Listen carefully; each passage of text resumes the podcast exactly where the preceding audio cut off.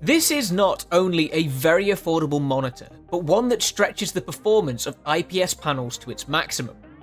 It gives you a 180Hz refresh rate in combination with a 1 millisecond response time, and the quantum dot layer ensures that your colours are even better than what you are used to with IPS panels.